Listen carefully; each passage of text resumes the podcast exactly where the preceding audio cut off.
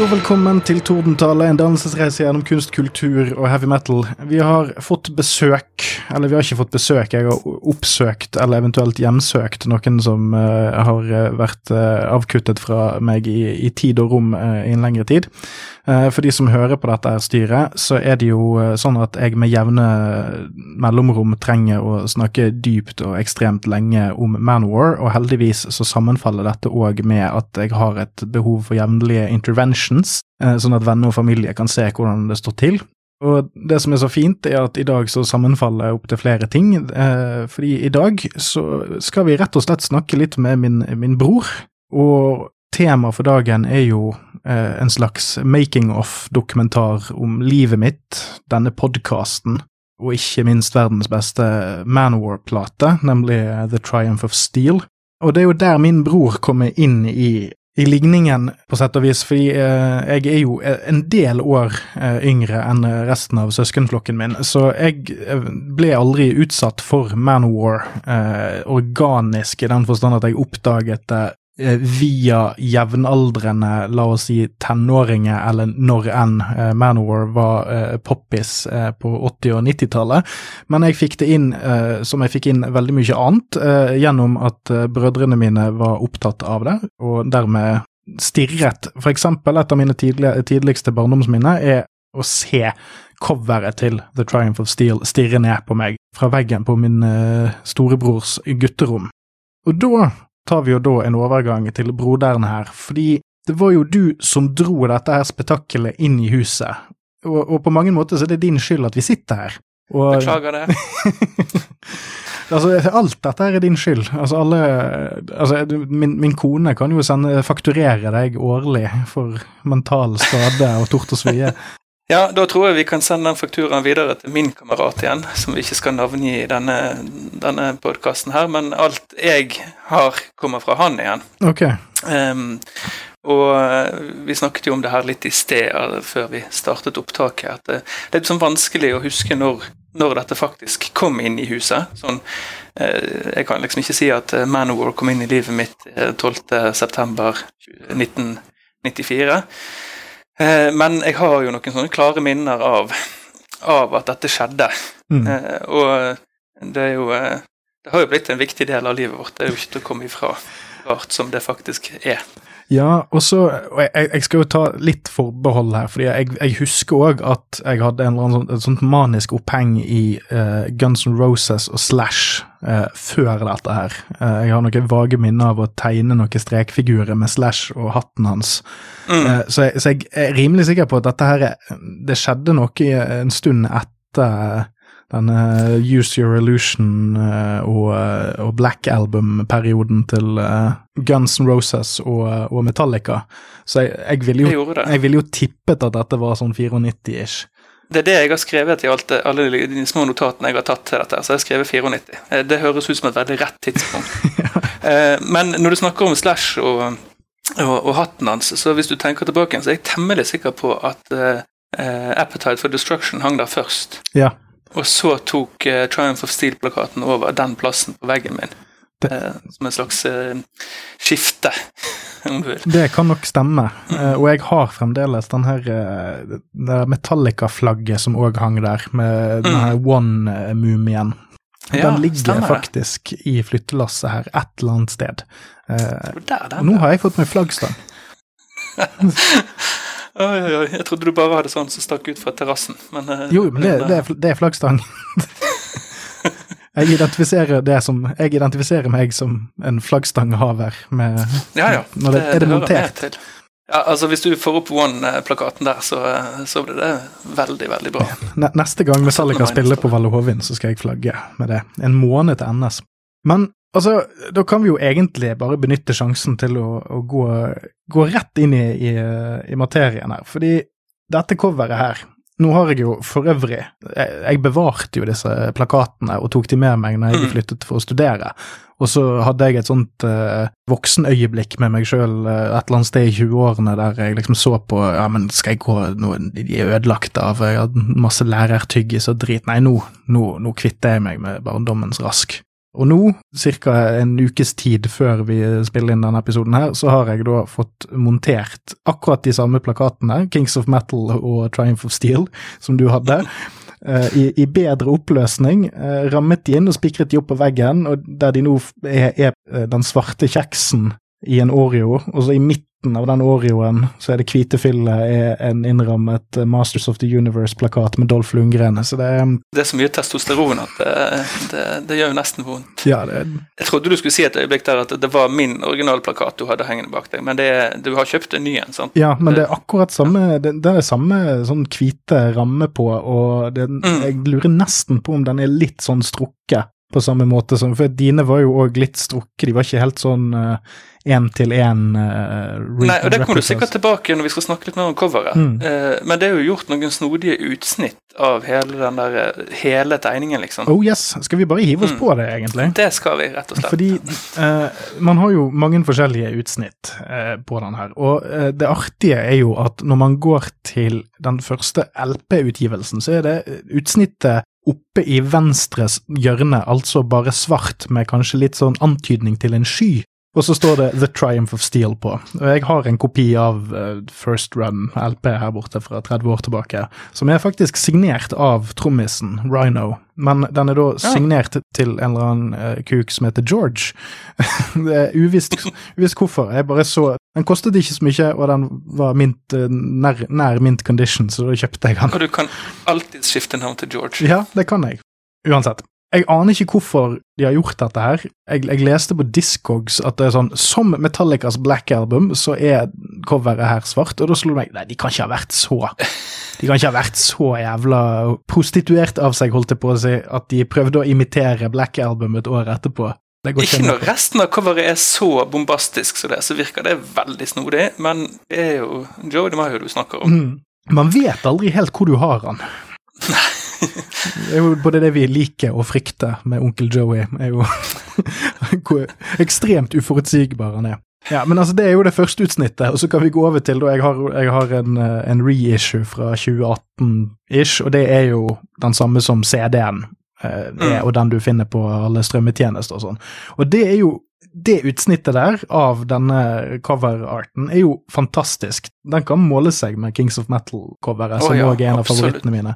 Fordi at Mm. den er så det, det er så reint. Det er Mm. bare han her eh, faceless uh, warrior igjen, eh, som har vært enda mer på gymmen siden sist vi så han i 1988. Og nå, denne gangen har han ikke bare et sverd, men nå holder han en Sign of the Hammer-hammeren eh, i en sånn triumfpositur. Og det er jo, det er jo dritbra. Det, det er så mye bevegelse i bildet. sant? Altså, det er, du ser eh, vinden i håret og hele pakken. Det ser nesten fotorealistisk ut, men ikke. Er den demonen med på det første utsnittet, det CD-utsnittet? Det husker ikke jeg i farten. Nei, Flygende demon. Eller du kan se antydningen til han eh, helt nede i venstre hjørne.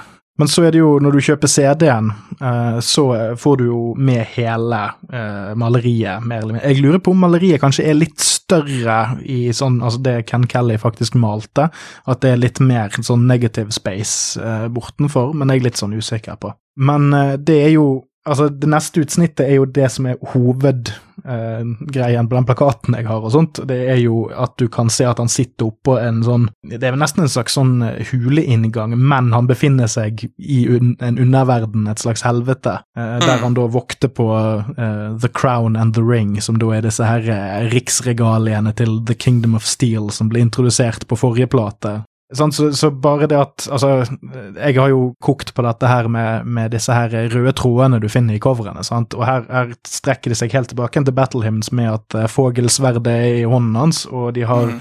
Inkorporert elementene fra forrige albumcover, som da er eh, krigeren sjøl, hvordan han er kledd. Han er vel kledd nesten helt likt. Har noen ekstra, ekstra ringer rundt armene og litt sånt, men ellers er han ganske stilrein lik. Og så har de puttet inn disse elementene fra, fra forrige albumcover, som òg da er denne eh, kronen og ringen. da.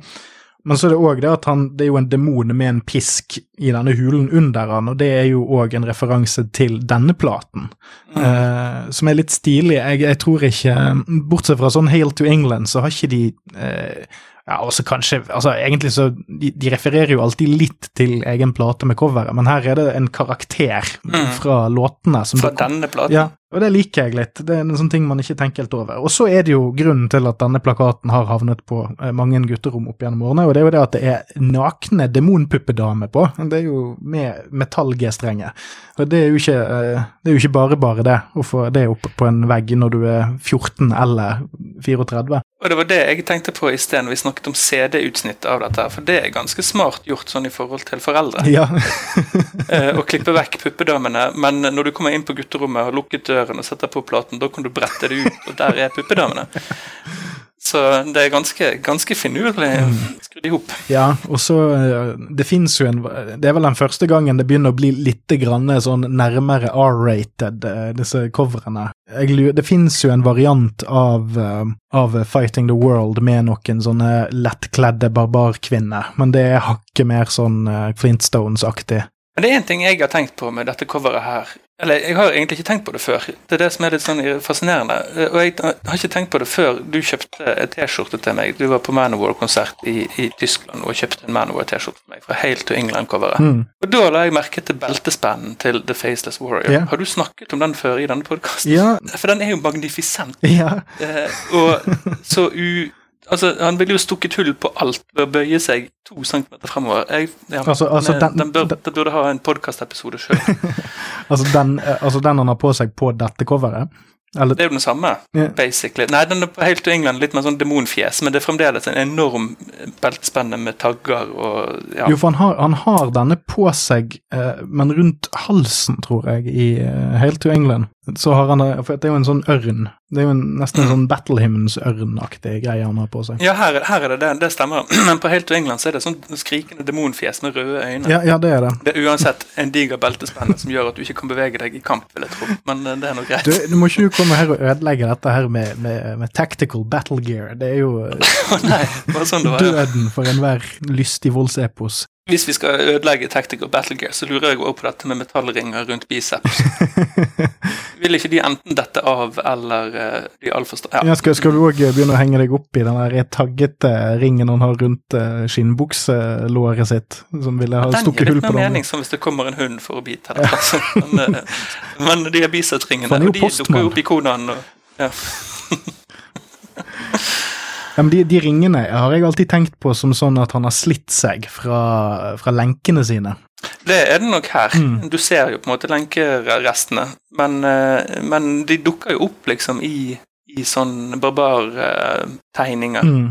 Konan og alt mulig sånt. Det er en veldig sånn gjennomgående ting, det der, og et veldig ukomfortabelt sted å ha en metallring. Ja, men det, Men ja, det med metall. Det, du skal, det skal gjerne være litt ukomfortabelt. Det er sant. In a very uncomfortable place. Men, men eh, for, for å på en måte runde av, eh, runde av eh, coverdiskusjonen, så tenker jeg Jeg har bare lyst til å si at det, altså, egentlig hele trilogien fra, altså fra Kings of Metal, denne, og fram til eh, Louder Than Hell, det, det er de tre jeg veksler på uh, og, og holder høyest og li- like, av litt forskjellige grunner. Men jeg ville holdt denne her som kanskje den sånn både innsatsmessig, for Ken Kelly kan være litt sånn varierende hvor, hvor mye innsats han legger i enkelte deler av arbeidet, har jeg inntrykk av. Mm. Men altså komposisjonen og bare energien i bildet tror jeg er på topp her. Altså det, det er akkurat nok luft, og så er det nok detaljer til at du kan bli, bli sittende og, og, og se på det, og, og leve deg inn i musikken mens du hører på det. Og sant, altså disse, sånne små demoner som kravler opp eh, denne hulegangen. Og så er det òg denne flygende demonen i bakgrunnen som du nevnte, som, Mm. som blir truffet eh, mid-flight i brystet av en, en sånn energibolt fra, etter, fra sverdet. Sant? Altså det er litt sånn her halvveis He-Man-aktig over det hele. At han mm. sånn wielder sånne enorme mengder med, med kraft i begge hendene. Og den siste button jeg har lyst til å putte i det, er jo at jeg har tidligere referert til at Manowar har et sånt helveteslandskap de ofte refererer til, som ikke er et sånt konkret Altså, det, det er på en måte Manowar sin underverden. Eh, de Mm. synger ofte om å kommandere demoner og, og um, underverdens uh, hære og sånt. Og det tror jeg er dette Ru- Rule in hell istedenfor serve in heaven. ja, sant? og jeg tror at dette her er den, det landskapet. Og artig nok så er det jo sånn at uh, louder, eh, på uh, Louder Than Hell så virker det som om han er lenket fast i et sånt helvetes landskap og holder på å slite seg løs fra det. og så Jeg har alltid, jeg har alltid sett det som at, at uh, Louder Than Hell-bildet er liksom rett før dette. Ja, det, det, det kan godt stemme. Altså det, det kunne jeg sett for meg at det er. Og at uh, Warriors of the World er når han leder folk ut derifra. Han leder, ja. For der er de i en sånn huleåpning ute i frisk luft. Mm. med, med The Armies of the World behind him. Så jeg, jeg begynner, jeg, nå begynner jeg å kjenne konturen av en sånn unified Kelly-theory her. Ja da, det er ikke, ikke noe tull. Dette er gjennomtenkt fra, fra 1988 Ja, og fram til 2002. 2002, ja. ja og så ja, etter, det, synes etter det begynner det å balle litt på seg. Da stifter han jo familie og kloner seg sjøl og Men det, det, sånn for å virkelig starte på det sånn eh, for skikkelig, så er jo dette her et, et album som er De to forrige studioalbumene var jo omslag fra det som var starten. sant? Man har de fire første albumene som er en gans, ganske variert, men egendefinert era, og så har du denne perioden fra 87 til eh, 92 som sin egen lille bolk med disse Atlantic-albumene Mm. som, som følger en formkurve. sant? Altså, som jeg, Min greie er jo at Kings of Metal egentlig er en veldig bra remake av Fighting the World. Eh, men dette her er jo en radikalt annerledes plate igjen, som vi kommer til å gå mye nærmere inn på over de neste åtte timene. Men er, Nå er du optimistisk. men, nå er jo, eh, men det som er den vesentlige forskjellen, er jo at her er 50% av, av besetningen eh, byttet ut fra 88. Og det er jo da at eh, Ross the Boss, originalgitaristen, han er vekke. Han forsvant før de fikk eh, begynt på Kings of Metal-turneen. Uh, Scott Columbus skal angivelig ha sluttet etter Kings of Metal-turneen fordi at sønnen var syk det strides jo eh, de, de ulærde, burde jeg jo si, i dette feltet her, men eh, de ulærde strides. Uansett så var det i hvert fall sånn at det bare var eh, Eric Adams og Joey DeMaio igjen i bandet, sånn cirka 1989. Eh, og da kan vi jo gå litt grann raskt gjennom hvem fanken Rhino er. Det er jo da trommisen. Egentlig navnet hans er Kenny Earl Edwards. Og jeg har en sånn anekdote her, for jeg fant et intervju med han som jeg syns er litt artig. Og det er uh, rett og slett det at uh, det virker som om han er fra Nashville-området. Jeg finner ikke nevneverdig mye på han fra uh, perioden før rundt 89. Men det som, det som er litt greit å vite, er jo at David Schenkel var jo da med eh, på Kings of Metal-turneen, så han var allerede i bandet på dette tidspunktet. her. Jeg, jeg hadde faktisk tenkt å spørre deg om det i sted. Ja, Av en eller annen grunn så har jeg lagt det opp sånn at det er Rhino først, men jeg tror det er fordi at den er artigst. Eh, men uansett så er det sånn at han, han spilte i et band da, som het Archangel, eh, og så var Manowar på turné. Dette er ifølge han sjøl, og han har ikke, han, jeg har ikke noen grunn til å tro at eh, det er noe pynting på det. Eh, og da var det sånn at eh, Archangel spilte, varmet opp for Manowar på dette klubbshowet rundt Nashville et eller annet sted. Eh, og da snakket han med Scott Columbus, og Columbus hadde visstnok da gått tilbake igjen til eh, bandet etterpå og sagt at han her bør dere sjekke ut, siden jeg har tenkt å slutte i bandet. Eh, og det er litt sånn morsomt, for det er jo en del av den her mytosen som de har spunnet, at eh, Rhino var personlig utvalgt av Scott Columbus til å ta over.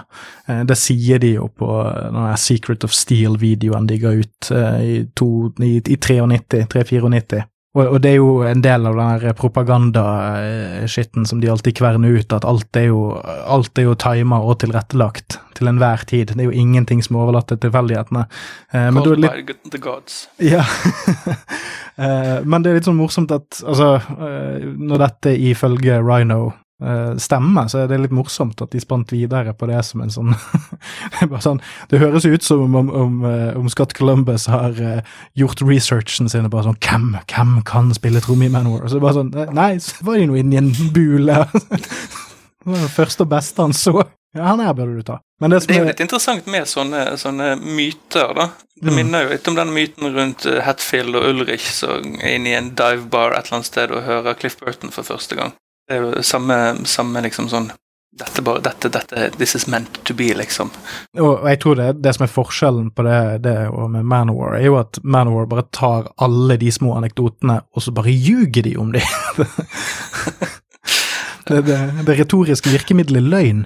Skal ikke kimse av det. Nei, nei, nei. Det er jo, og, og, og, og reinspikket pølsevev er jo hatt dratt mye mileage med denne gjengen her. Uh, men det som er artig, da, er jo det at altså Her, her kommer the button. er jo det at uh, Han sier at Eric Adams uh, fikk nummeret hans. Og så, så Ok, nå, nå, skal jeg bare sitere han ordrett på, på engelsk, om, om, ikke så veldig lenge. Men altså, Joey ringer han og sier at han vil gjøre Han vil samarbeide med, med Rhino. Så drar Joey tilbake igjen til Nashville, og og her da sitat He laid out a contract and said he wanted to be my manager. He said he could get me in some really good spots, in some good bands. I signed it. Then he said, Welcome, you're the new drummer of Manowar. som, som er så jeg, jeg, nekter å tro at det ikke er sant. Nei, det må jo være sant. Det, det, det, du kan ikke finne på noe sånt. Ja, det er en sånn jævla Shanghai-gjeng. det er det er, det er Shanghai-gjeng. Ja, ja. Bare få en full sjømann inn. Ja, vær så god, nå, nå, nå skal, du, skal, du, mønstre på fire år på båt. og, så, og så, er det også, opp, Oppfølgeren her er jo det at han sier I told Joey I was never into Manowar. He said it's okay, son, don't worry about it. Hvor har du disse sitatene fra? De her er ikke fra Official Manowar Merchandise. Nei, nei, dette er fra Brave uh, Words. Som er en sånn metal-side. Hva sier man til sånt? Nei! altså, han holdt, han holdt, jo bare én plate, så, ja. så Nei, veldig han, ja, men han var jo tilbake igjen en liten stund. Han, for det er jo neste bit av, av uh, sånn fun factsene her. Jo det at han spilte han, spilte jo en liten stund, da, fram til 94, før Columbus kom tilbake. Uh, og så, så vidt jeg klarer å se, så var han inaktiv, altså svært inaktiv. Og det, altså, det er jo med sånne folk som dette her at det, bare fordi at du ikke kan finne spor av bandene de har spilt i på nett, så betyr ikke at de ikke har vært aktive musikere i sine nærområder og sånn. Så, og man hører jo på talentet hans at han har jobbet mye som musiker, men fram til Man War så er ikke det spesielt mye på CV-en. Og det er et stort hull på elleve år fram til Earthshaker i 2005, som er den festivalen der Man War hadde et headliner-show der de tok inn alle medlemmene og eks-medlemmene som hadde vært med i bandet til da, og spilte med de live. Og Det er jo en vanvittig uh, kul konsert-DVD. Uh, det er vel sikkert mulig å få sett det på YouTube hvis du er litt sneaky. Og så ble han da trommis i Holy Hell, som er et band som Joey mer eller mindre samlet sammen under den der Magic Circle Music-labelen eh, som de stiftet rundt på den tiden der. Tror du han gjorde det samme med kontraktene på hele bandet? You're now the vocalist of Holy Hell. ja, jo, for hun, hun, vokalisten der, hun er jo uh, Hun står jo faktisk oppført i Warriors of the World-bukletten som uh, sånn kontordame eller noe sånt. Jeg elsker det. Det er så bra. Kom hun var flink å synge òg. Vi så jo i Kvinesdal. Hun ja. kunne jo synge. Ja, jøss. Yes. Og det, det, hører jo med til historien at det bandet ga ut en plate, og så sa de 'fuck you, Joey', og prøvde å starte for seg sjøl. ja, men hvordan gikk det for dem? Nei, det gikk ikke så bra. Må ha Joey sin klamme hånd over deg, ellers så går det. Bøy deg for Joeys klammesusp. Og han var òg da eh, Han var jo kort tid inne som turnétrommis for Manowar i 2008 og 2009. Uh, ja, Var det han som spilte i Kvinesdal? Ja, på, på Holy Hell. Uh, ja, ja, Donny ja. Hemsek hadde, hadde, begynt som trommis igjen da når vi så dem. Men uh, typ Sikkert noen måneder før hadde det sikkert vært han. Mm. Så jeg, jeg, stakk jo av med Jeg har jo en trommestikke fra han. Og G-strengen til Joey. Hei, den, den, vits, den vitsen slutter aldri å være gøy for meg. Nei da, jeg men, smilte i whiskyen. Altså. Men han har òg eh, En annen detalj er at han har også spilt sammen med Ross the Boss i Death Dealer, som er et eh, litt sånn psycho-mega-metal-band som er drevet av en eh, sånn maga-gærning som heter Sean Pack. Sånn, sånn passe grei metal. Hvis, hvis, du er glad i sånn overdreven smør på flesk, eh, baconator-metal, eh, så er det artig å høre på. Men nå kan vi gå over på David Shankle, som da hadde allerede litt fartstid i bandet. da. Han hadde jo spilt med de i noen år uh, før de lagde dette um, albumet her.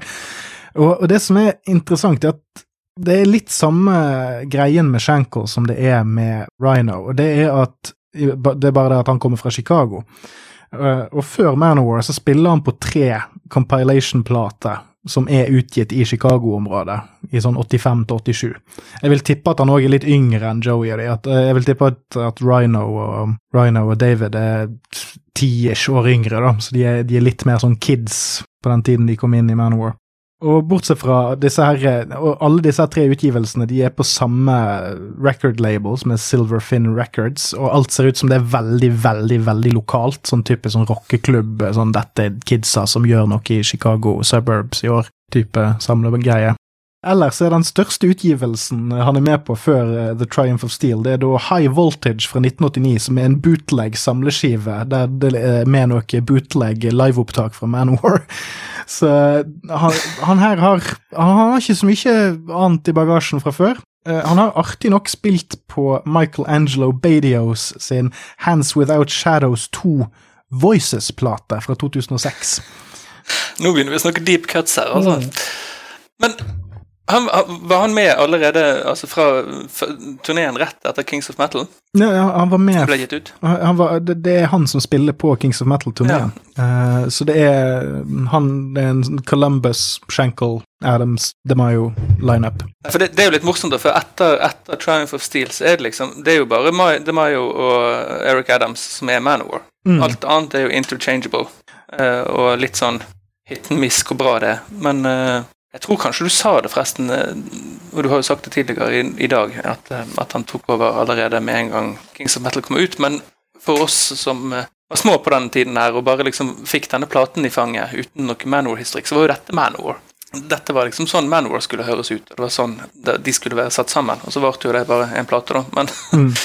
men, men, det er jo òg det som er, når du nevner det Altså, hvis du, hvis du er fan fra før av, så hører du jo at det har skjedd en endring men du hører ikke at det er sånn hvem som helst. De, altså, de, de setter jo sitt særpreg på mhm. platen mm -hmm. i mye større grad enn jeg vil si at mange andre seinere får lov til å gjøre det. Og jeg bare tenkte jeg skulle avslutte Schenkel med at altså, han på lik linje med Rhino, så forsvinner han i 1994 etter et par turneer for denne platen her, og så CD-utgivelsene til Into Glory Ride og Hail to England. Og så gikk han ifølge offisielle kilder over til å bli gitarlærer.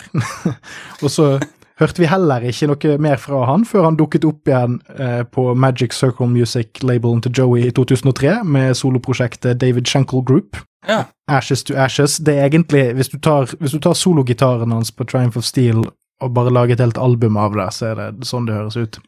Det kan bli litt mye sånn her wah, wah, wah, i lengden, kanskje. Ja. Men jeg så noen videoer av han på YouTube i går, der han spilte Manor-slagere. Mm. Eh, akkurat sånn som eh, vår gamle venn eh, Ross the Boss gjør. Så har han, har han gjort litt samme greien som Ross the Boss og reist rundt og liksom levd på, på, navnet sitt, eller var ikke, han, var ikke han stor nok i Manowar til å, å, kunne gjøre det? Nei, fordi Rosterboss Boss er jo på en måte 100% musiker Altså, han er jo musiker uavhengig av hva band han er med i, på en måte, så han hadde jo mm. allerede et Han har vært med i et par name bands før Manowar, eh, mm. så jeg tror alltid han har hatt eh, en ganske grei mu musikerkarriere. Uh, mens Schenkel han, egentlig, han, han, gjorde disse greiene under da egentlig Manowar-bannere på 2000-tallet, og så var han da med på Earth, uh, Earthshaker sammen med alle de andre. Uh, og han har stort sett altså e-, Etterpå har han òg gitt, gitt, ut og deltatt på en del plater, men alle de tingene ser ut til å komme fra et eller annet Manowar relatert. Ja.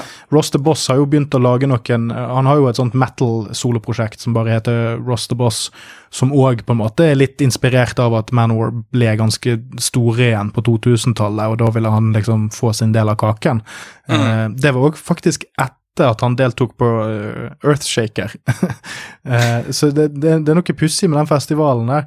Men, men, når Ross the Boss gjør det, så har jo han eierskap til hele back-katalogen til Manowar på en helt annen måte enn det disse andre kidsa har. Absolutt. Uh, Absolutt. Og han har helt tydelig bare altså han, han prøver ikke å reprodusere Manowar-låter heller. Det er liksom det er hans det er hans, det er hans gitartone, hans måte å skrive riff på, og så lager de musikk sammen. Uh, og så er det jo, er det jo sånn Manowar-esk, men det er, ikke, det er ikke blåkopi, på en måte. Nei, men han spiller jo en del Manowar-låter. Ja da, og, men han er jo aktiv i Dictators uh, mm. fremdeles. Altså, det er ikke sånn, det er ikke hovedgeskjeften hans som lever av uh, gamle stories, mens, mens, David Schenkel nå driver jo og lager en slags oppfølger til Triumph of Steel sammen med noen sånne her bolivianske røvere. of course. Ja, så det, det, er en historie for en annen dag. Men uh, det, det, er litt klasseforskjell på hvor de havner, disse her. Det, det, er vel det er, litt forskjell på det, blir litt sånn som når du drar på sånn Comic-Con eller Wrestling-Con eller, eller sånn her uh, Sexhibition. det er liksom Alternativmessen, kanskje? Ja, ja. det er sånn, det er sånn Noen får lov til å sitte og signere med, med spotlights på seg, mens andre sitter med, liksom, med, de, med de, mest snuskete dudene borti hjørnet. så, ja. Som har lyst på litt spesielle tegninger. Ja, jeg vil tenke at det er en sånn Ja. Du maler vakre bilder. Det er nydelig. That's why I make the big bucks. Yes. Det er derfor ikke jeg er profesjonell eh, podkaster. Nei, men over til hvorfor vi er her, ja. Som mm. Nå er det, det er For å lappe dette her sammen, for nå har jeg jo snakket om to personer. Og, og den tredje mm. personen jeg har lyst til å snakke om før vi kommer til selve musikken, er John Pettigrass, som har produsert denne platen sammen med Manowar altså Joey. Og han har ikke gjort en dritt produksjonsmessig, bortsett fra denne platen, Louder Than Hell, uh, og Rhapsody sin Symphony of Enchanted Lands 2, The Dark Secret, som da er utgitt på Magic Circle Music. som han òg har vært inne på management-siden av, og da òg vært involvert med Rhapsody, som er et italiensk symfonisk metal-band, i den tiden de var på labelen. Og i seinere tid så har han da jobbet på management-siden for Ross the Boss. Så begynner, her begynner vi å ane et mønster. All... Dette høres jo òg ut som en person som har signert på en luguber kontrakt med, med Joey DeMaio. Ja. Det er sånn uh, uh, Ja. Så lurer jeg på hva slags bilde han har av Joey sitter på av Eric Adams, siden han er den som har kun. Ja, det, det, hadde jeg tenkt å snakke med deg litt om i sted. jeg, jeg tenker jo kanskje når du har på et eller annet vis klart å karre deg gjennom hele den diskografien og all galskapen, mm. så er jo det som på en måte står igjen til slutt, er jo at på et eller annet mystisk vis så har ikke Eric Adams tatt livet av Joey DeMaio. For lenge siden. De to på et eller annet mystisk vis bare funker sammen. Eh, det, det gir ingen mening. Nei, det, det, det, gir absolutt ingen mening, og tilsynelatende så virker det som man liker han òg. Det er jo det verste. Ja, ja. Jeg tror det er veldig, veldig snodig. Og, så de kunne ikke samarbeidet i 45 år uten å like hverandre til en viss grad. altså da det Ikke med sånn den typen eh, skapende mm, virksomhet som de holder på med. Jeg, skulle, jeg, skulle til å si Gene Simmons og Paul Stanley, men uh, det, det, er en diskusjon for en annen tid og et annet sted. Ja, men si det sånn, Hvis ikke de har vært veldig glad i hverandre, så hadde ikke Eric Adams gått i studio og sunget den siste sangen til Manwar. Nei. oh, det, det, er bare en dementi fra min, uh, min side her. Eh, at uh, laut und hart, stark und schnell er det genuint grusomste jeg har hørt et band jeg liker, gi ut. Mest sannsynlig. Jeg, jeg, jeg, har ikke ord for hvor mye jeg forakter den låten. Men likevel var han bedre enn Lulu. likevel. Merkelig, det der. ja, vet du hva, det er korrekt. Lulu er det jævligste. Det, jeg, jeg, tror det, det, det, er sånn Uansett hvor, hvor sånn eh, hyperbolisk man kan bli, eller hysterisk, så er det mm. alltid det man er nødt til å huske. Men ok, nå går vi offisielt over i hoveddelen av eh, vårt show, som da er musikken, folkens. Og vi må nesten dele dette opp i to, for det som gjør dette albumet så spesielt, er at det er kanskje det dobbeltalbumet jeg vet om som fortjener å bli kalt et dobbeltalbum i ordets rette forstand, for det er kort og godt to album. Disk én eh, er eh, et 28 minutter langt epos om Iliaden, nærmere bestemt Akilles og beleiringen, eller slash knusingen av Troja. Og da må vi rett og slett bare starte med den, og så snakke oss litt ferdig om den, før vi går over til andre disk, som da er det jeg vil beskrive som en mer bare konvensjonell metal-plate, i hvert fall i struktur og, og type låter og, og, den slags. Uh, så jeg tror nå, nå, har jeg snakket uh, Nå har jeg jo fått inn en gjest, og så har jeg snakket i 12 000 timer. Uh, så jeg tenker at vi kan, når vi da begynner da med Achilles Agony and Ecstasy in eight parts, skal jobbe oss gjennom den, så kan jeg gi over ordet raskt til min bror for å Bare, bare sånn, Hva tenker du om starten på, på dette her eh, sirkuset? Jeg er ganske sikker på at i 1994, når jeg lånte denne CD-en av min kompis, så må han ha sagt til meg 'hopp over det første sporet'. eh, det var på CD, sant? Det var ikke på, det var ikke på LP, det var ikke på kassett, mm. det var på CD. Og, og jeg er helt sikker på at hvis han ikke hadde sagt det, Jeg kan ikke huske at han sa det, men jeg er helt sikker på at hvis ikke han hadde sagt det, så hadde ikke vi sittet her i dag. Fordi at eh, jeg, Og det kan vi snakke om når vi kommer til de sangene, sant? men det skjedde noe på, på Ride the Dragon og Power of Thy Sword Mm. som, som ikke skjedde her. Mm. Jeg har, eh, jeg har ikke hatt noe forhold til disse første 28 minuttene før, eh, før veldig nylig. Mm. Eh, og det er jo litt synd og skam, fordi at det er mye bra her. Mm. Eh, men jeg trengte rett og slett en slags eh, cut som du lagde, der du deler dette opp i spiselige biter. Mm. Eh, rett og slett etter satsnavnene, liksom. Um, for at, eh, at jeg skulle klare å liksom komme inn i materien her. For jeg har hørt det mange ganger. Jeg har satt det på, liksom. Jeg er jo en, litt sånn som deg at jeg, jeg elsker å høre hele plata. Eh, så jeg har jo satt den på og hørt gjennom hele greia. Uh, og når vi går gjennom de forskjellige satsene, så skal jeg komme tilbake igjen til hvor det stoppet. Men nå de siste dagene i forberedelse til dette, egentlig, så har jeg sittet og liksom lyttet på dette for første gang eh, siden jeg ble Manowar-fan i 1994. Um, og det er jo litt flaut. Men samtidig så er dette her så tung materie, og alt som kommer etterpå, er så uh, lettfordøyelig drops. Det er liksom det som gjør det, da. Men ja, det er mye bra her. Mm. Uh, og så er det mye rusk.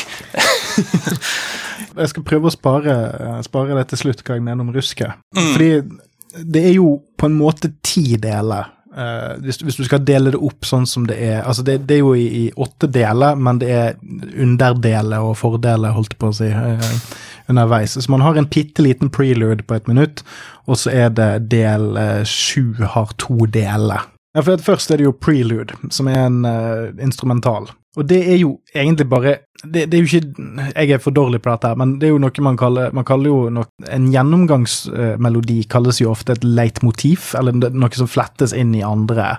Eh, andre musikkstykker og sånn. Og det er ikke helt tilfellet her, men den preluden her har et sånt anslag som man på en måte kan høre ekko av, selv om det ikke er det samme melodien nødvendigvis. Og så kan du høre dette anslaget igjen seinere i resten av eh, stykkene, syns jeg. Ikke, ikke alle, men altså på eh, slutten på eh, Armor of the Gods og sånn. Skal komme litt tilbake til det. Mm. Men det som er så tøft med den her, er at jeg hørte nok denne her minst én gang første gangen jeg kjøpte albumet. For dette er det første jeg, første jeg kjøpte sjøl etter at jeg begynte å få spenn og sånn. Så jeg, jeg hørte nok gjennom den her og syntes at det var mye kult, men jeg var litt for ADHD-orientert. det var sånn, Jeg hadde aldri lyst til å sitte og høre 28 minutter. Selv om jeg satt og hørte på album når jeg var tenåring, liksom, så var, det var et eller annet med den her. Så jeg har nok hørt på den flere ganger enn det jeg fram til la oss si fire-fem år siden. da.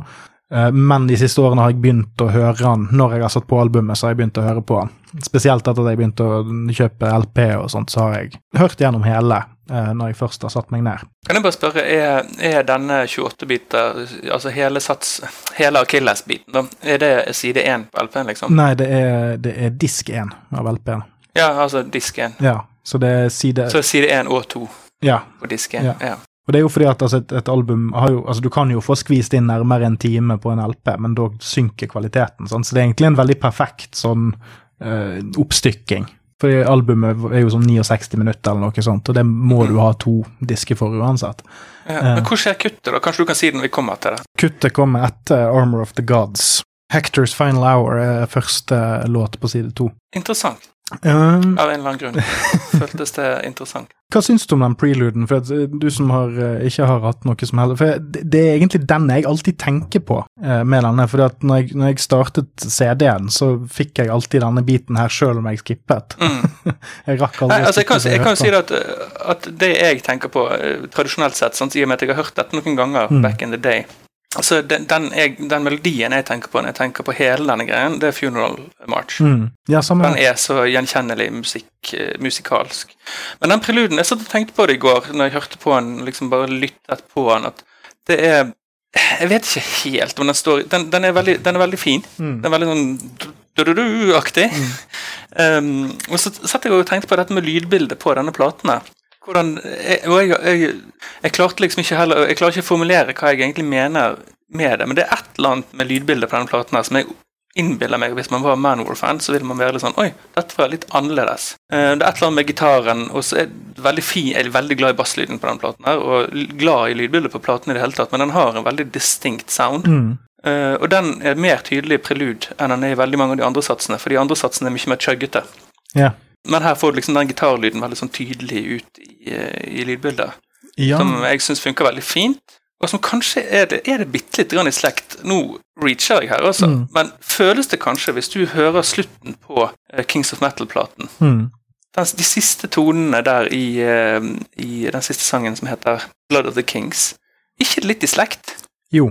Ikke det sånn at hvis du avslutter den og starter denne, så høres det ut som at her fortsetter vi, på en måte? Det har jeg i hvert fall notert veldig på Altså på, på sound, det kommer vi litt tilbake igjen til, men uh, spesielt på solopartiet til Joey. Mm. Der hører jeg veldig uh, sounden på gitaren fra Kings of Metal. Den, den måten du hører gitaren er tunet på når han triller på, på tonene. Og jeg, jeg, jeg, Ja, er du nede på bassoloen? Ja, jeg er på bassoloen, ja. Mm, mm. Uh, og, og, men, men det jeg tenker er forskjellen her, er rett og slett uh, gitarist. Mm. og, og, og kanskje um, Altså, det at låtmaterialet er annerledes. Altså, det er mindre bluesrockete. Fordi Mm. at det er en eh, Altså, han David Schenkel er jo en mer sånn shredded dude. Så sjøl når du har standard rockeriff, så angriper han de på en annen måte, og jeg tror gitaren hans er Og jeg er ikke noen gitarnerd, men eh, når du er en shredder, så er du vel Da er ofte gitaren, selv om du har distortion på, så er det en um, Ofte er det fokus på clean taps, at du skal Ja, kunne nettopp. plukke opp detaljene i fingerspillet. og Jeg tror det er det som slår ut på gitarsounden, når du da kombinerer Jeg tror, du, jeg tror du har rett i det. For jeg, jeg satt, når jeg satt og hørte på det her, så skrev jeg er det spinkel lyd jeg, jeg mener. Men så hørte jeg på det med headset igjen og rett før vi startet opptaket. Det er monumental lyd. Da, ja, det er ikke spinkelt i det hele tatt. Sant? Det er helt feil ord. Eh, så jeg tror du har rett i det at det er en gitarist som er opptatt av at det skal høres ut akkurat Altså du skal få den lyden ut av det som han vil at du skal få ut av det. Altså en shredder. Men òg dette med at trommene er sånn som de er. Sant? Mm. Det er jo eh, en veldig, veldig tight trommis og veldig Ja. Ja, jeg, jeg, vil, jeg, vil, f.eks. tippet at Uten at jeg er noen ekspert på det, jeg ville tippet at eksempel basstrommene er triggers. Mm. Også at eh, det er Jeg vil tippe det er organisk. Jeg, jeg syns en del av de andre trommegreiene, når du hører på soloen og sånn, så høres det organisk ut. Altså at symbalene og sånt altså det, det er bare litt for mye detaljer der, men, jeg, men det er et eller annet når han spiller dobbel basstromme, der Jeg er temmelig sikker på at basstrommen er, dobbeltpedal. Det har min eh, trommekamerat sagt flere ganger. Ja, ja det er det. Alle, de, alle de andre trommene kan jeg ikke uttale meg om, men eh, at basstrommen den, den ligger jo der nesten i, i 28 minutter òg. jeg, jeg tror at det er han som gjør alt her, men jeg tror at basstrommene er trigger drums, altså at, at det er en, en, en Ja sample som spilles. Jeg mener ikke at han ikke spiller det, jeg mener bare at det, det hjelper, hjelper på lyd, altså, Mm. at lyden er jevn. Poenget mitt er i hvert fall at det er det eneste jeg reagerer på, er den basstrommellyden. er nok det som har fått meg noen ganger til liksom sånn hm, hva, er greien her? Men sånn, sånn summa summarum så er dette her den beste Manor-platen rent produksjonsmessig. Ja, ja. Jeg tror jeg, tror jeg holder Kings of. Metal litt over sånn uh, on the whole sånn produksjonsmessig, men den her har sånn, Her kan du faktisk sitte og gå 20 lag bakover. Du kan lytte deg bakover i produksjonslagene på en måte og isolere enkeltelementer og, nyte de. Det kan du ikke alltid på de andre albumene. Vi kommer tilbake til det når vi kommer til de andre låtene litt seinere på platen etter denne her, men eh, det, jeg hører fremdeles detaljer i disse sangene som jeg aldri har hørt før. Det er veldig rart med noe som er liksom i gåstegn så enkelt mm. Som Manowar liksom har, er, da. Jeg mener jo ikke at de er det. Men uh, det var en ting jeg tenkte på òg. Ja, for det, dette med dobbel basstromme som eh, går så intenst òg, det er jo et helt nytt lydbilde for Manowar. Mm. Jeg kan ikke huske at det har vært noe voldsom dobbel basstromme før, annet enn som som krydder. Jeg har lyst til å si at det er første gang, eh, og så er det sånn at jeg er så ADHD at jeg må jo nesten gå gjennom og høre alle albumene for å dobbeltsjekke. Jeg kommer på en, en låt, men det er, ikke, det er ikke samme typen. Det er det som krydder. Dun, drun, dun, drun, på en av de her på Into Glory Ride som ikke kommer på navnet på i fart. Utover det så er det lite. lite. Og her er det mye. Ja, og det, og, og det blir jo bare mer og mer og mer og mer av det. Ja, ja. Det er det som er så pussig med denne platen, er jo at det er jo et, et et stilskifte som Altså, det virker som om Joey tar med seg feil lærdom fra denne platen. Men uh, Hector Storms The Wall det er jo første ordinære låt, på en måte. Men her er en ting jeg har lyst til å ta med meg videre. Det er det at jeg har alltid trodd før denne gjennomlyttingen her, så jeg har alltid fortalt meg sjøl at ja, men her er det jo tre-fire ordinære Manwar-låter skvist inn i. Mm. Men Hector Storms The Wall det er jo en nesten tre minutter lang va vanlig sang. Men den går inn i en sånn overgangsmodus på omtrent to minutter, før den fader over til uh, sats nummer to, som er The Death of uh, Patro Patroclus, eller Patroclus. Patro Patroclus. Patroclus. The Death of Patroclus. Uh, yes, han Patroclusen. Patroclus. Uh, men men så, så, så denne låten her er jo egentlig jævlig rå, men den stopper omtrent der soloen ville kommet inn på en fullbyrdet låt. Yes, Uh, takk. Eh, ikke bare det, det mangler òg refrenget, yeah. som en vanlig låt ville hatt. Så, så sangen er dritfet, og det, det, det er kult, det som er der, liksom. Mm. Men når du er Manowar-fan, så stopper han akkurat der du tror han skal bli noe annet, eller noe mer. Så ja, jeg, jeg, du, du er veldig glad i gitarsoloer, jeg er veldig glad i gode refrenger, mm. og den har ingen av de to. Jeg tror faktisk jeg, er- jeg, er- jeg er mye mer en refrengmann enn jeg er en gitarsolomann. Det er bare at jeg liker det veldig godt når det er en god gitarsolo. ja, for all del. Det jeg kommer tilbake igjen til med Manowar, det er jo refrengene. Men ja. Mm. Nei, for det er jo det som er altså, Om jeg bare skal raskt gå, gå inn i teksten altså, Det er jo bare noe med fordi Når du ikke får refrenget på disse låtene på Achilles, så er det jo Det er jo synd, men Eric Adams leverer jo så til de grader på de linjene han har. Altså Første, første Oh, yes. setningen han sier, er 'See my chariot, run to your ships, I'll drive you back to the sea'. Sant? Altså bare sånn, Alt han sier på denne satsen her, er bare Det er refreng, Eric Adams, som synger vers.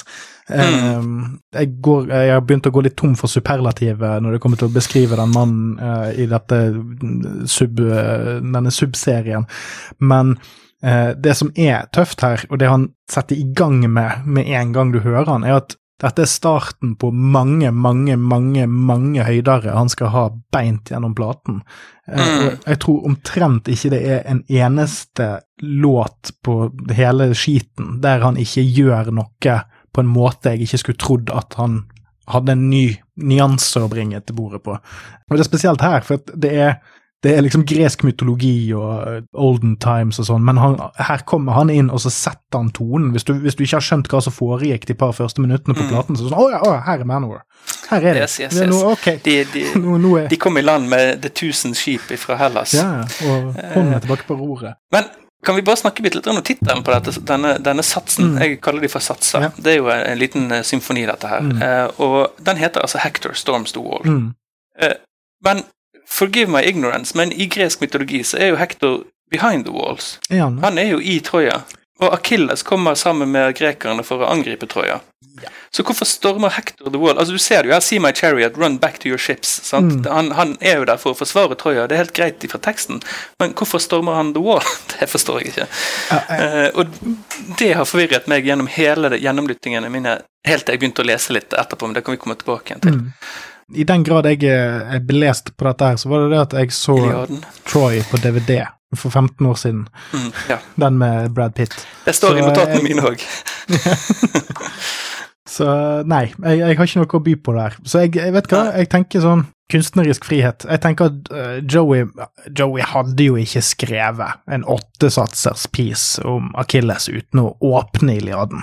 Det ville jo vært litt rart. Det ville nesten vært som, Nei. å, det ville nesten vært som å skrive en, en sang om Thor, Ja, ja. bare fordi at du har lest litt Marvel Comics. Men jeg må bare si en ting. Har du, har du lest lyricsene til denne på genius.com? Eh, jeg, har, jeg har hatt det oppe, men jeg har, ikke, jeg har ikke gått så mye ned i tekstene denne gangen. Nei, for den er jo den eneste og første annoterte Manowar-lyricsen jeg har sett. Mm. Hva de refererer til i Iliaden. Mm. Men akkurat dette med Hector Storms the Wall, det har de ikke tatt eh, grep om. altså. Det burde jo stått Hector Defends the Wall, men Mm. det er greit. Jeg gir meg det. Men uansett, Sangen er fet. ja, og det er òg denne. Altså, det, det, den fanger òg liksom den der roingen, og at det er Altså, det, det er liksom Vi er allerede på the battlefield her, sant? Altså, det er, det, Mm. Alt er i gang. Og så når den her Når du da sklir over til uh, sats nummer to, som er The Death of uh, Patroklus Patroklus? Per, Pervokris. Perfokris. ja, det kan vi jo òg snakke litt om. Patroklus sitt eh, forhold til Akilles. Men, Ja. eh, men ja, jeg hadde lov meg sjøl at jeg ikke skulle begynne å snakke om alt jeg hadde lært om dette før etterpå. Ok, ja, ja, men det, det er helt i orden. Altså, ja, men altså, Manowar-diskusjoner er jo ikke fremmed for uh, homoseksuelle over- og undertone, hvis det, hvis det er det du Nei, jeg, jeg, jeg, kan bare, jeg, kan bare, si det nå. Jeg, jeg satt og hørte på dette her og leste teksten mens jeg hørte på. Mm. sant? Og så er det liksom Ja, og han døde. Og så blir Akilles så jævlig forbanna. det er liksom ikke måte på hvor forbanna han blir. Eh, og det, Nå forgriper jeg begivenhetsgang, men det er jo liksom blood and fire, death and hate. I will desecrate fordi at du har drept min kjære Patrokulus. Mm. Så, men det eneste jeg kan si, er at de, de lærde, de ordentlige lærde, de strides da om hvor homofile Patrokulus og Akilles egentlig var. Men jeg tenker jo hvor han går ganske hardt til verks for å hevne han.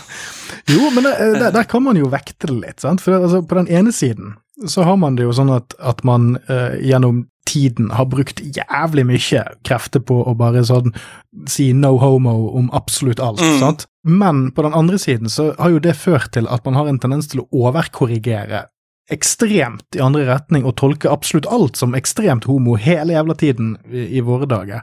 Uh, uten ja, at jeg skal åpne noen, noen sånn her uh, eller vepsebol kalles det vel på ordentlig, mm. om, om, det. Men når det kommer til dette, så er det sånn jeg, jeg, driter jo egentlig litt i hvilken av retningene det er. For det er jo, han var jo den spesielle lille vennen hans. Det var, dette var jo Akilles sin uh, lille Martin ja. som ble drept bare fordi at han gikk rundt med rustningen til Akilles. Nei, og det er, jo, det er jo egentlig himmelropende likegyldig om det er homofilibilde eller ikke, men hele greia blir på en måte litt mer sånn nesten romantisk. Mm. Hvis, det, hvis, det, var elskeren som liksom ble tatt av dage, bare den veldig gode vennen. Uh, men ja. Ja, men sant, altså, må, må alt handle om sex? Nei, det må det ikke. Det er jo en av grunnene til at jeg hører på heavy metal. Det er at, eh, ja, Sex handler det ofte om, men det er veldig sjelden det handler om love. Ja, og det, og det er i hvert fall ikke sexy. Det er det, det, Nei, er det siste, det. det, er. Og, og, herregud, altså, jeg, det handler bare om uh, folk som uh, stikker gjenstandene inn i hverandre. Det må jo være lov.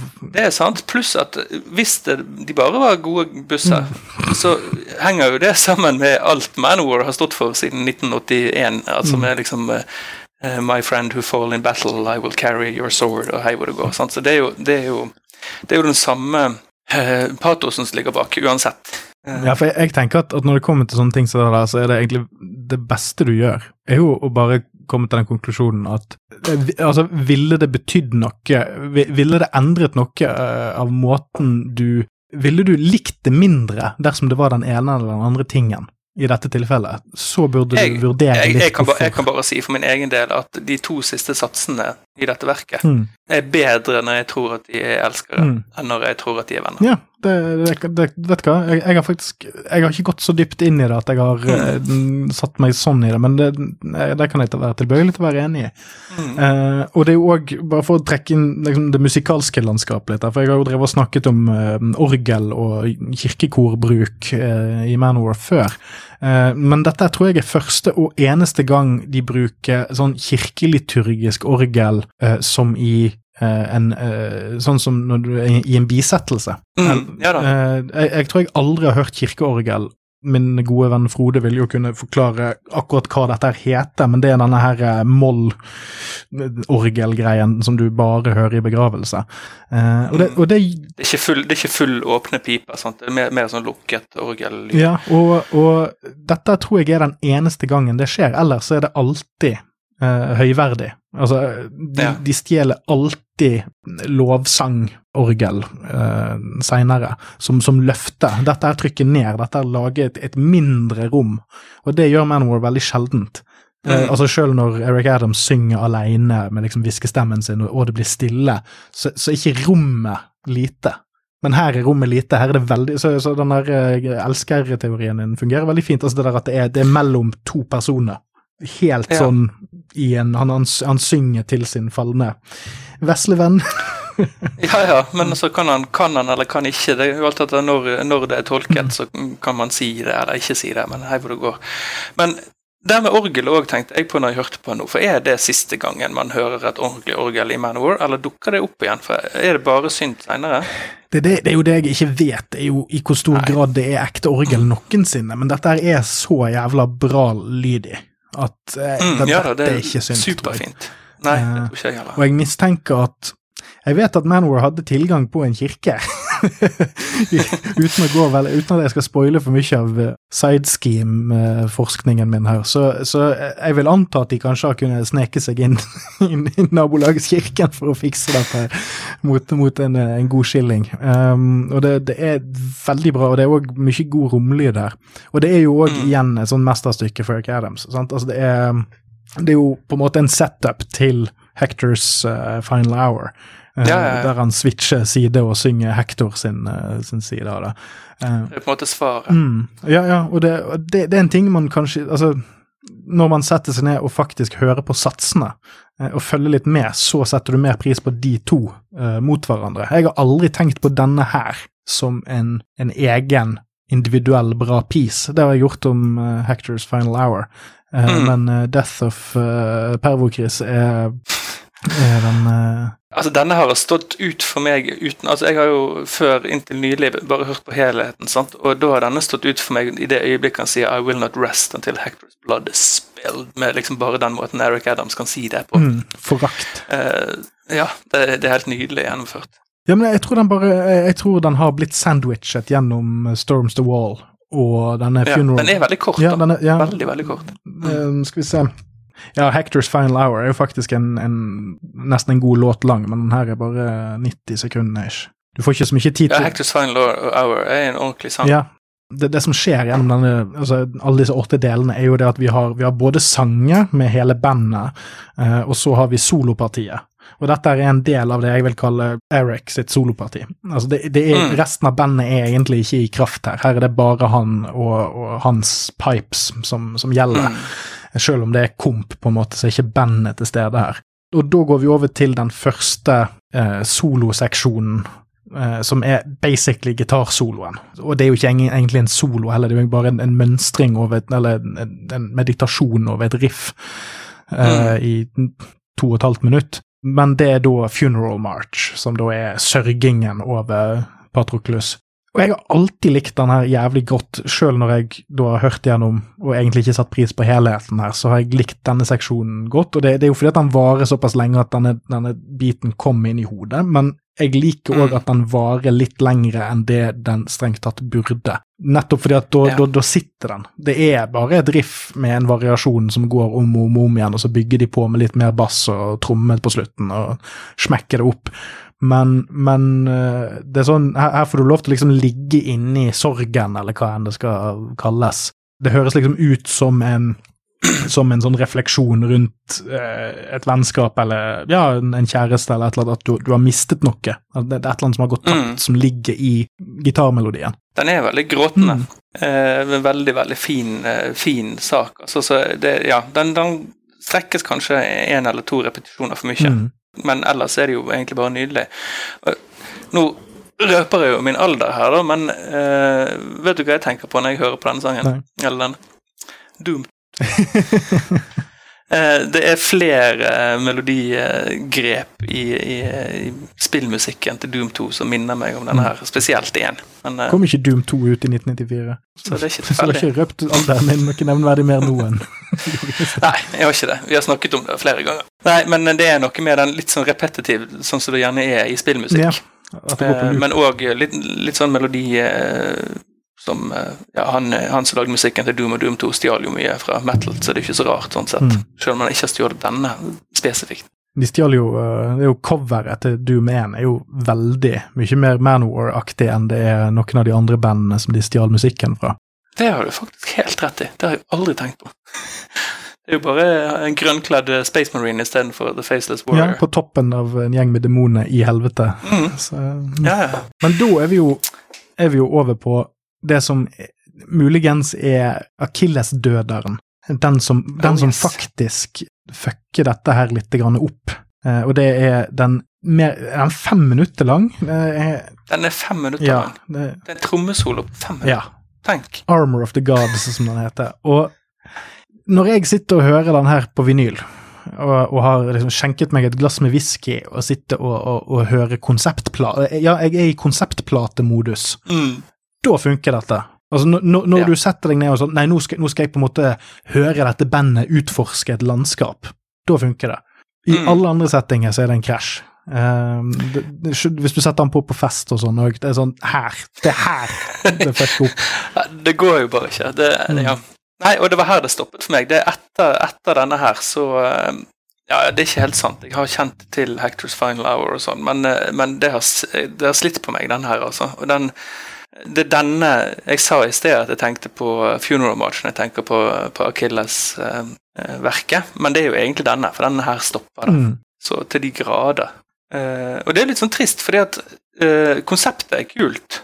Trommesolo til liksom uh, illustrere dette med at gudene lager en ny rustning til Akilles. Mm. Kunne jo funket som bare juling, men fem minutter er litt for lenge. ja. Bitte litt. Ja, og det er jo, det er jo stil Dette her er den Dette er første gang jeg husker at jeg var på en måte imponert over en musiker. Det var jo lenge før jeg skjønte hva som var Altså, han er jævlig god, men han er jo ikke altså, sånn, ja, ja. Sånn, og, og, egentlig sikkert teknisk bedre enn veldig mange trommiser i veldig mange band jeg liker. Uh, men det er sånn når du er ung og lettpåvirkelig, så er det sånn at hvis du hører noen gjøre noe sånn som dette her, så er det sånn Oi, det er den beste i verden. Han fyren her. Han er jo best i verden. Han er jo dritrask. Han kan jo gjøre både det ene og det andre. Men Jeg tilhører jo den generasjonen som trodde Lars Ulrich var god på Jo, men det var, det var, det var, var hull i ozonlaget på den tiden òg, sant? Ja, det var det. Bly i bensinen. Det var tungetak på den tiden, rett og slett. Mm. Nei, men altså sånn, det, det, er, det vanskelig egentlig å Jeg syns du bare oppsummerte det fint med å si at ja, det er, det er gudene som lager ny rustning, og det er illustrert med ulike hammerslag, kan man vel egentlig kalle mm. det. Mm. Uh, men det er ingenting å Altså, det er sånn Den her vil jeg Hvis jeg bare skulle lage en spilleliste basert på det jeg har klippet ut, vil jeg fjernet denne her, men det, det, du trenger et opphør, på en måte. Altså, du trenger jeg vet ikke om du kan gå rett fra Funeral March til Hectors Final Hour heller. Du trenger et eller annet i midten der for å vise at det har gått mm. tid dersom dette konsept, konseptet skal funke. Nei, jeg tenker altså det, det, Dramaturgisk sett så funker det jo som bare juling. Mm. Du, det, er jo, det, er jo, ingen narrasjon, altså ingen fortellerstemme her som forteller hva som skjer og sånn. Men det at du bruker trommene til å liksom fortelle den historien om at nå forger de en ny uh, rustning, det fungerer, syns jeg, veldig bra. Uh, men det er kanskje ikke akkurat den trommesoloen jeg ville hatt til å illustrere det. Det er Manowar vi snakker om her, sant? så noe mer sånn her bombastisk, sånn Lord of the Rings-aktig, Kazadum, uh, ville funket bedre. Ja, men dette er før den versjonen av Manowar oppstår, og det er jo, det er jo ti år før. Det er sant. Eh, ja, det er sant. Eh, Joey var ikke så inni Eh, det symfoniske på dette tidspunktet. Selv om han, han har jo alltid, han har alltid vært opptatt av det klassiske. altså Det at denne låten eksisterer, er jo et eksempel på at han har lyst til å dra disse her eh, Han er åpenbart glad i klassisk musikk eh, lenge før ja. Manwar ble startet opp. Det er jo derfor du får mm. uh, Williams Tale på Battle Hymns. sant? Ja, ja. Men, men, han har ikke fått dette opphenget i, i strykere og, og altså han, her, her prøver han å lage altså Gods of War er jo på mange måter en slags oppfølger til denne låten. Mm. Der prøver han å gjøre alt dette her med, med, med synter og strykere, og så putte Manowar-sangen inni. Eh, mens her prøver han å, å, få hele bandet til å lage egentlig en sats fra start til slutt. Eh, mm. Jeg tror at Gods of War hadde blitt bedre mottatt om han hadde prøvd å gjøre det som en bandting. Eh, beint gjennom, eh, fremfor å det, bruke så mye Casio-keyboard og gamle gubber. og jeg tenker denne Arm of the Gods-trommesoloen, det, det, det, er en god tanke. Uh, og det er, det er, en kul måte å fortelle den, den biten av historien på, men, men, det stopper det fullstendig opp. Mm. Og gitt at når man kjøpte dette på CD i 1993, så kunne ikke du liksom Det var ikke noen måte å hoppe forbi det på, annet enn å spole og håpe på det beste. Mm. Uh, så gitt det at alt sammen er sydd sammen til én lang track, ja så, så ble den døderen. Det er veldig synd, for det kommer mye bra etterpå. Yes. Men nå går vi jo over til min eh, favorittdel av nesten-platen. Det er jo da eh, sats nummer fem, som er Hectors Final Hour. Og jeg sier det ofte, men dette er en fuckings maktprestasjon. Eh, mm -hmm. Det er jo Hector som står og venter på uh, at uh, Achilles skal komme og myrde trynet hans. Og det, det er vel òg det at det ligger litt at det har, altså, det har blitt spådd at han skal dø for Akilles hånd eller et eller annet sånt. Og dette er en av mine absolutte favorittsekvenser med Eric Adams noensinne. For det er, det er makt og kunst i ett. den, den, begynner jo veldig rolig. sant? Altså Han bare hvisker og, og, er på en måte litt uh, aleine med seg sjøl eh, før mm. kampen begynner. Og så det, virker det som om hele greien til Hector er at han må prøve å finne Eller han, han leter etter mot til å tørre å gå, gå døden i møte. Det, det, å finne ære i å oppfylle sin skjebne. Og det, går, det, er en ting jeg, jeg, har glemt å si, men gjennom hele, hele, dette verket så er det jo militærtrommet. Det er sånn, amerik, sånn ja. Ja, ja, altså, som, som, leder opp, og her, her ligger de rolig og, dure i starten. Uh, og ellers her så er det jo bare, bare, strykere og Eric, og egentlig så er veldig, veldig mye av dette stryk... En kompis av meg påpekte en gang at uh, når han har hørt på podkastene mine, at uh, jeg er den eneste han noensinne har hørt som har brukt ordene manwar og subtilt i samme setning. det tror jeg ikke. Det er, bare, det er, bare, idioter som tror at ikke Manowar kan være subtile. Nei, og det er nettopp det Det, det vil jeg si med tanke på hvor, hvor ekstremt uh, kåt uh, Joey ble på synthesizere og, og sånt mm. seinere i karrieren. Så er spesielt dette albumet her helt sinnssykt godt mikset og, og orkestrert når det kommer til Når strykerne det, kommer. Du, du, blir aldri Du henger deg aldri opp i om det er sånn keyboard sound, eller du, du driter i det fordi det er inkorporert i det som, eh, det som foregår foregår. Ja. Uh, og for å bare bli helt ferdig med liksom spurgingen min om Eric, så er det den, den, hele låten er jo en crescendo opp, mo, opp mm. mot uh, når han uh, Det er de beste bitene når han synger I hear the silent voices I cannot hide, the gods leave no choices, so we all must die, oh Achilles, let thy arrows fly. Det, den biten der, det er, det er topp én-to uh, Manowar-øyeblikk for meg noensinne. Det, jeg, skulle, jeg, skulle, til å si det samme. Det, det, jeg har skrevet i notatene mine, her er at jeg tror kanskje dette er det fineste de, det, det, du leste mm. nå, det er det, det, peneste onkel Joey har komponert noensinne.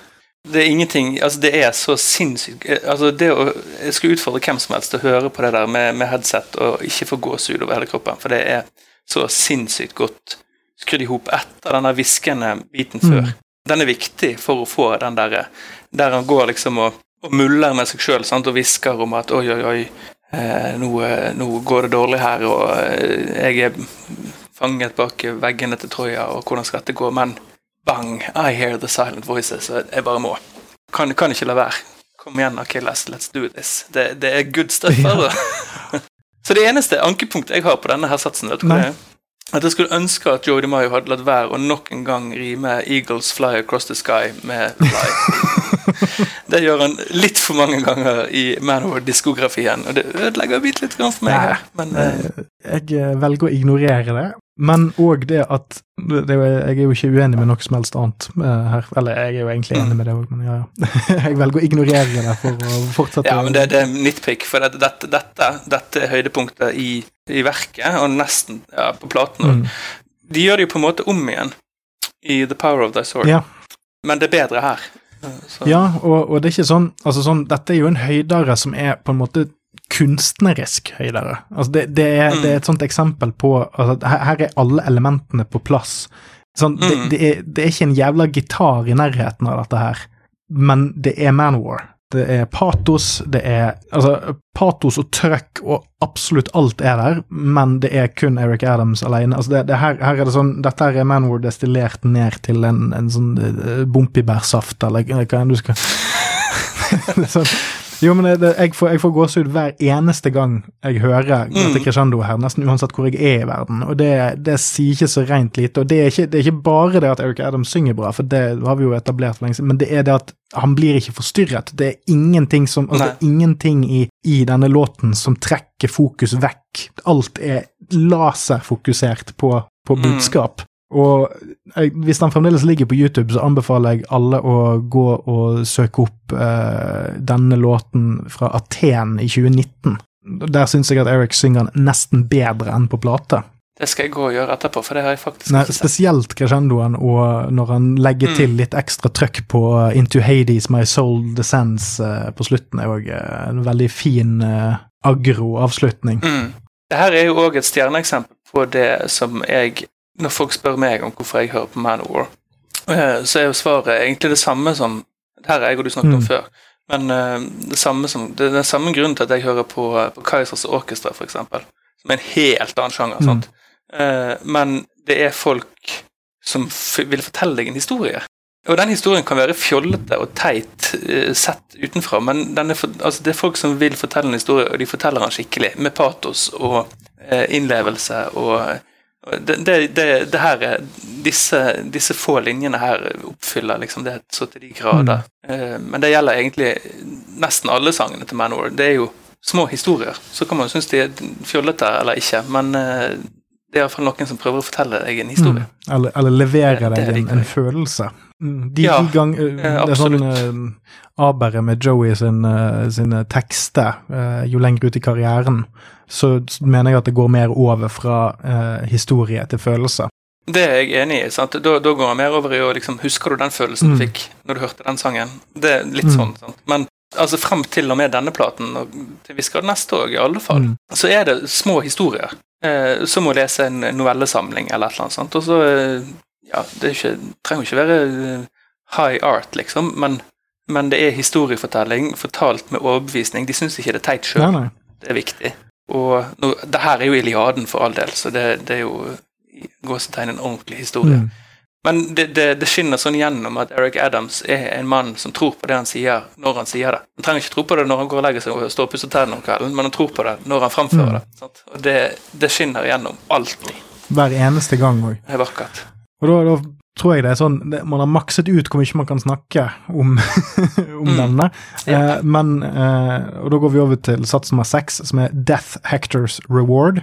Og det er jo òg da en sånn half-sang, som jeg snakket om tidligere. Mm. Altså den, den, den, slutter, den slutter omtrent der den skal starte. Og jeg syns den er dritkul, og den går jo i 1000 km oh, yes. i timen. Og her hører mm. du jo f.eks. at Joey har funnet left channel, right channel-spaken på kontrollpanelet igjen. Ja. Som han òg leker seg mye med ellers på dette albumet, men uh, Her blir det slitsomt, ja. syns jeg. Her uh, hører du det. Altså, her, her, kan du faktisk nesten høre spaken bli trykket på for å bytte det over. Han nailer det liksom på, på Rider Dragon, men her er det, her er det i, i teori fast. Ja, og, og, Power of Thy Sword er vel kanskje der det, der det maksimaliseres ut til uh, ja. det groveste. Uh, og dette er jo bare at, han, at Achilles kommer for å fucke opp Hector.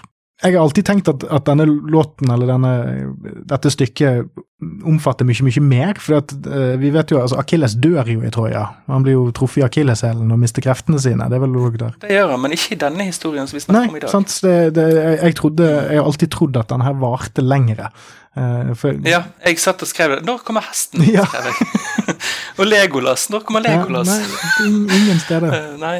Og, og, det er sånn Death, uh, Hectors uh, Reward, har altså det, det, det, er ikke så mye mer å si om han. Den har egentlig bare to mod, moduser, som er det jeg har lyst til å kalle Your Body I Shall Desecrate-biten og Kill-biten. Mm. Uh, det er bare to, yes. to vekslinger mellom no, Jeg skal virkelig drepe deg, og så Nå dreper jeg deg! Ja, men det er jo basically, så vidt jeg forsto det på historien, nå, så er det at Akilles mer eller mindre rir rundt Troja mens han roper disse tingene mm. her. Så han, han er relativt pissed mm. off. Og det kommer jo tilbake til det jeg sa helt innledningsvis, med at dette funker bedre hvis eh, han og Petrokoles, eller Petrokolus var elskere. Mm. Altså at det var, det var mer enn bare et godt vennskap. For det, han er så jævlig forbanna. Og det er Eric Adams jævlig god på å fange. Eh, jeg vet ikke om noen som høres sint ut helt på den måten som han gjør. Eh, det har ikke jeg snakket så mye om, men er, det, det, går jo med dette med storytelling og sånt, selvfølgelig.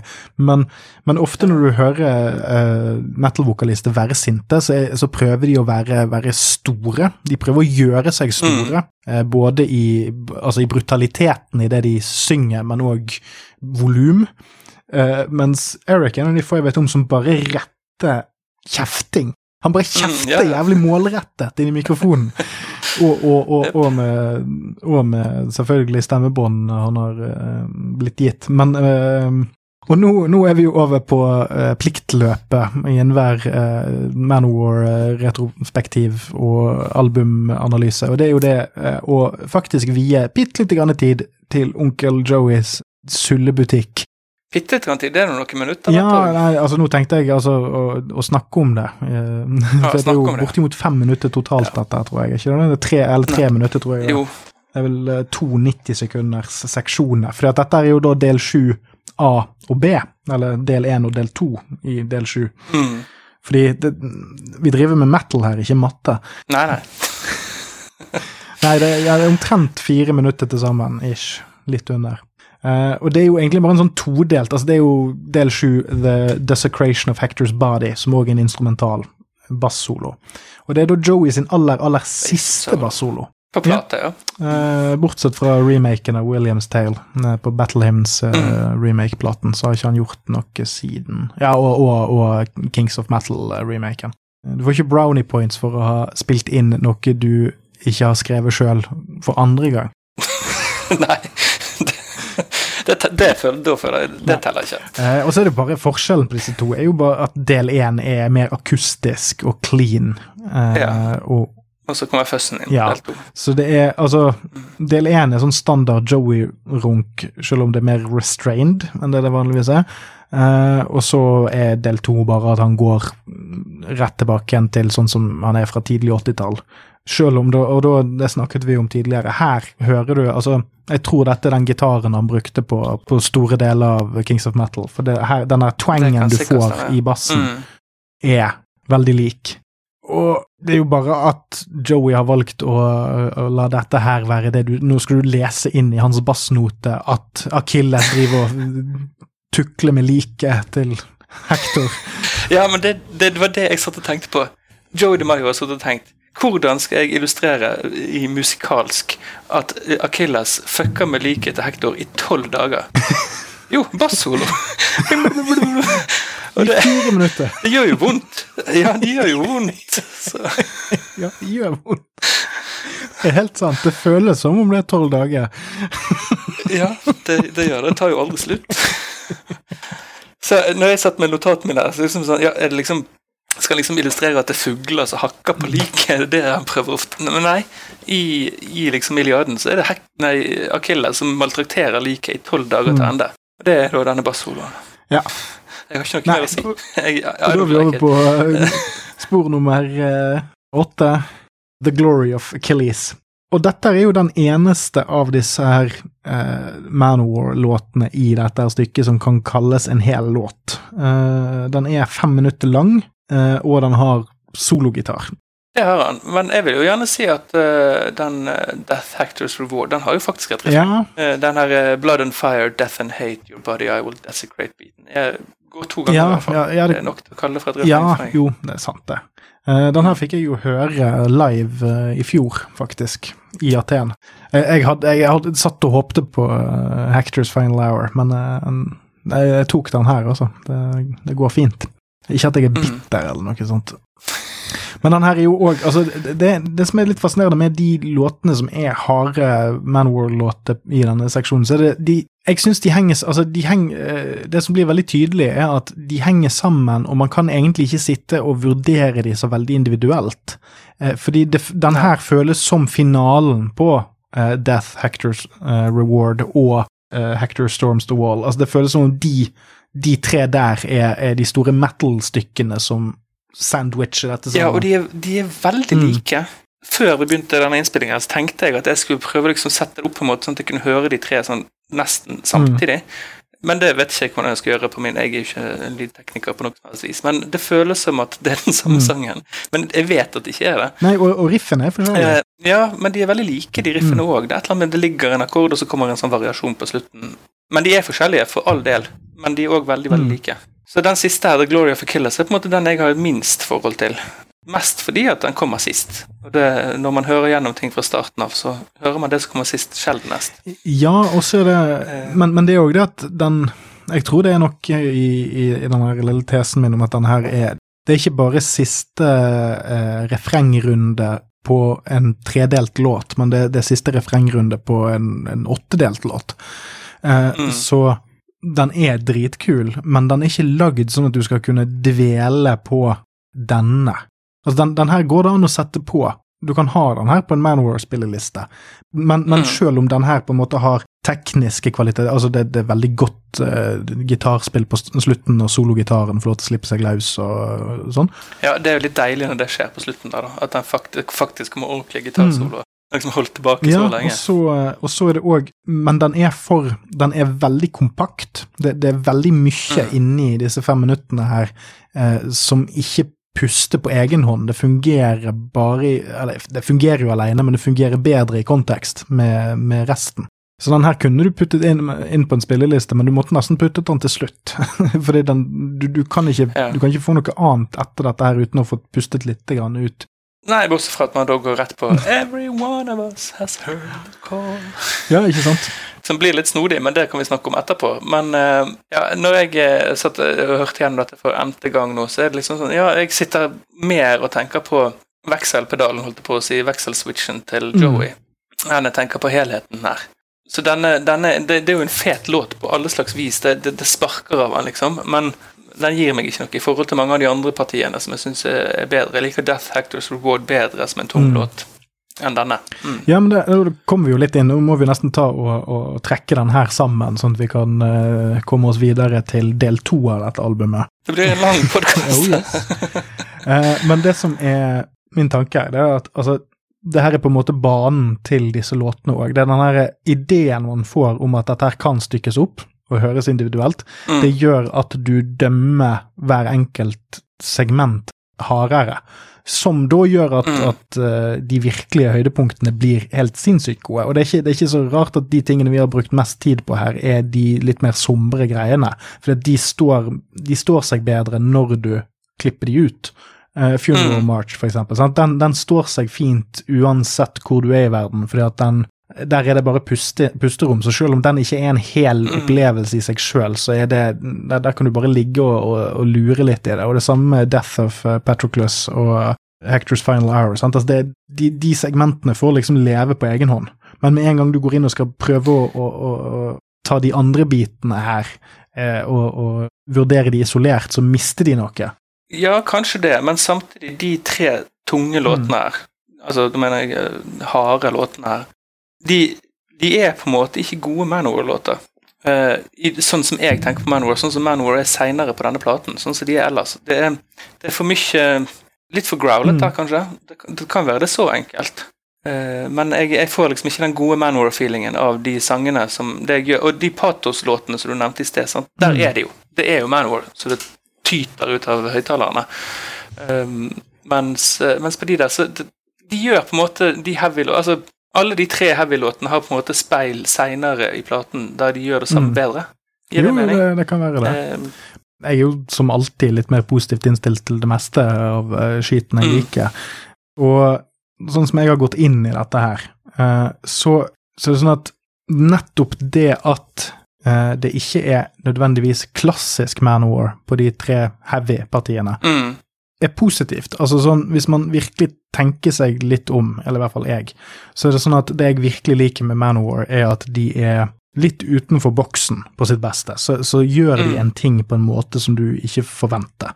Eh, og det som er litt stilig, er at når de da først går inn for å lage da, ja, så, Nå skal vi appropriere noen helt andre sin kultur. Istedenfor at vi skal eh, snakke, synge om vikinger, så skal vi nå snakke, synge om ancient Greeks. Eh, Mm. Og da har de faktisk tatt og lagd et annet lydbilde. ja, nei, det var det jeg skulle si, at det er jo ikke på noe som helst vis Mm. dårlig. Det er faktisk veldig bra. Og jeg tror, jeg tror det, det du var litt inne på òg, er at det, man må på en måte se hele denne greia som Mm. ett. Og det er det som gjør han så forbanna utfordrende. Ehm, fordi at du må liksom ha tid til å sette deg ned og, og høre på han. Og gi han oppmerksomheten din. For ellers så er det ikke noe vits i. Da blir det Jeg tenkte på de bassoloene. Jeg har flere ganger i min ungdom våknet av at jeg har sovnet med Manowar på, og så kommer en eller annen bassolo og bare forstyrrer livet mitt. med pling og plong og, og hei hvor det går. Blant annet denne her, Desecration-bassoloen. Eh, så, så det er For meg har de, de, de, de enerverende, på en måte. sant? Og Du må på en måte kjøpe hele Mm. verket. Og du kan ikke bare ta The Glory of Achilles ut og spille den. Det er fire vers med Hva er det egentlig? Hvis ikke du har konteksten. Um, Ja, det er Vet du hva? Det, hele den her altså, eh, nå, nå skal jeg ta Jeg skal ta og, og summere hva jeg syns om den. Altså, jeg jeg syns dette er et dritfett prosjekt. Altså sånn, sånn når jeg nå har bare liksom veltet meg som en gris i dette, eh, den slappen her, i ukevis. Jeg tar av meg hatten, fordi jeg syns det står i samsvar med sånn Manwar-prosjektet kunstnerisk sett. Altså vold og krig i gamle mm. dager, tonnevis med patos og tunge gitarer, og at det er teknisk interessant. Men òg tematisk. sant? Altså Når de først gjør noe som ikke er eh, noe de ikke har antydet til før, så gjør de det skikkelig, og de har faktisk balle nok da, til å lage et litt annet lydbilde. De lener seg ikke på mm. de teknikkene som de har brukt ellers, sant? jf. disse heavy-låtene. Men som du sier, sant? Altså, sånn, de gjør noe nytt. altså her, her, gjør de en ny ting, og det funker i den konteksten det er servert i, syns jeg. Eh, mm. og, og, de tingene som du trekker fram, de trekker jo ned eh, dersom man, man, Og det er jo det som er morsomt, eh, fordi det er jo dette er jo Joey DeMaio sin eh, 'Spis middagen, din gutt'-låt. Så skal du få disse ja, ja, etterpå. Det, det, det, er jo det litt, det. Eh, fordi eh, mm. altså Joey har jo sagt flere ganger at eh, de ble mast på av plateselskapet for å lage mer kommersielle låter, og mer, altså, noe som er mer tilgjengelig. Og delvis av yeah. grunnen til at dette her er en 28 minutter lang ubrutt fil på CD-en, for eksempel, at dette ikke er delt er fordi at Joey mm. sier 'fuck you', enten så tar du det, eller så tar du det ikke. og det er jo bare å ja, respektere. Så det er jo egentlig bare noen få biter inni her som burde vært trimmet litt. Ja, og så, har jeg lyst til å eh. minne lytteren på dette, at når, jeg driver og forsvarer disse tingene, så er ikke det sånn at jeg sier at du skal like det fordi at jeg gir deg denne konteksten. Det jeg skal si, er at det er med på å gjøre det til en interessant opplevelse. Uavhengig av hva du syns, mm. så er det interessant. og, og, og det, å, det, å, lide seg gjennom fjas og rare, rare, rare executive decisions, det er rett og slett en del av, uh, av kostholdet til en man warrior. ja, det er det. Casio Keyboards kommer til en eh, podkast near you. oi, oi, oi, whoopsie daisy. Der holdt jeg jommen meg på å ta en Joey DeMaio og ikke kjenne min besøkelsestid. Siden dette albumet er et sant dobbeltalbum i ordets absolutt rette forstand, så tar vi her og nå og følger vårt eget råd, jeg og broderen, og deler opp episoden. Følg med i neste uke for den episke avslutningen på The Triumph of Steel-gjennomgangen vår, og i mellomtiden så kan dere jo tenke på følgende nøtt. Hvor mange nakne damer er det på The Triumph of Steel-coveret. Hvor mange nakne damer er det på The Triumph of Steel-coveret? Riktig svar sender det til radiorock at rockeradio.no. Vi snakkes på!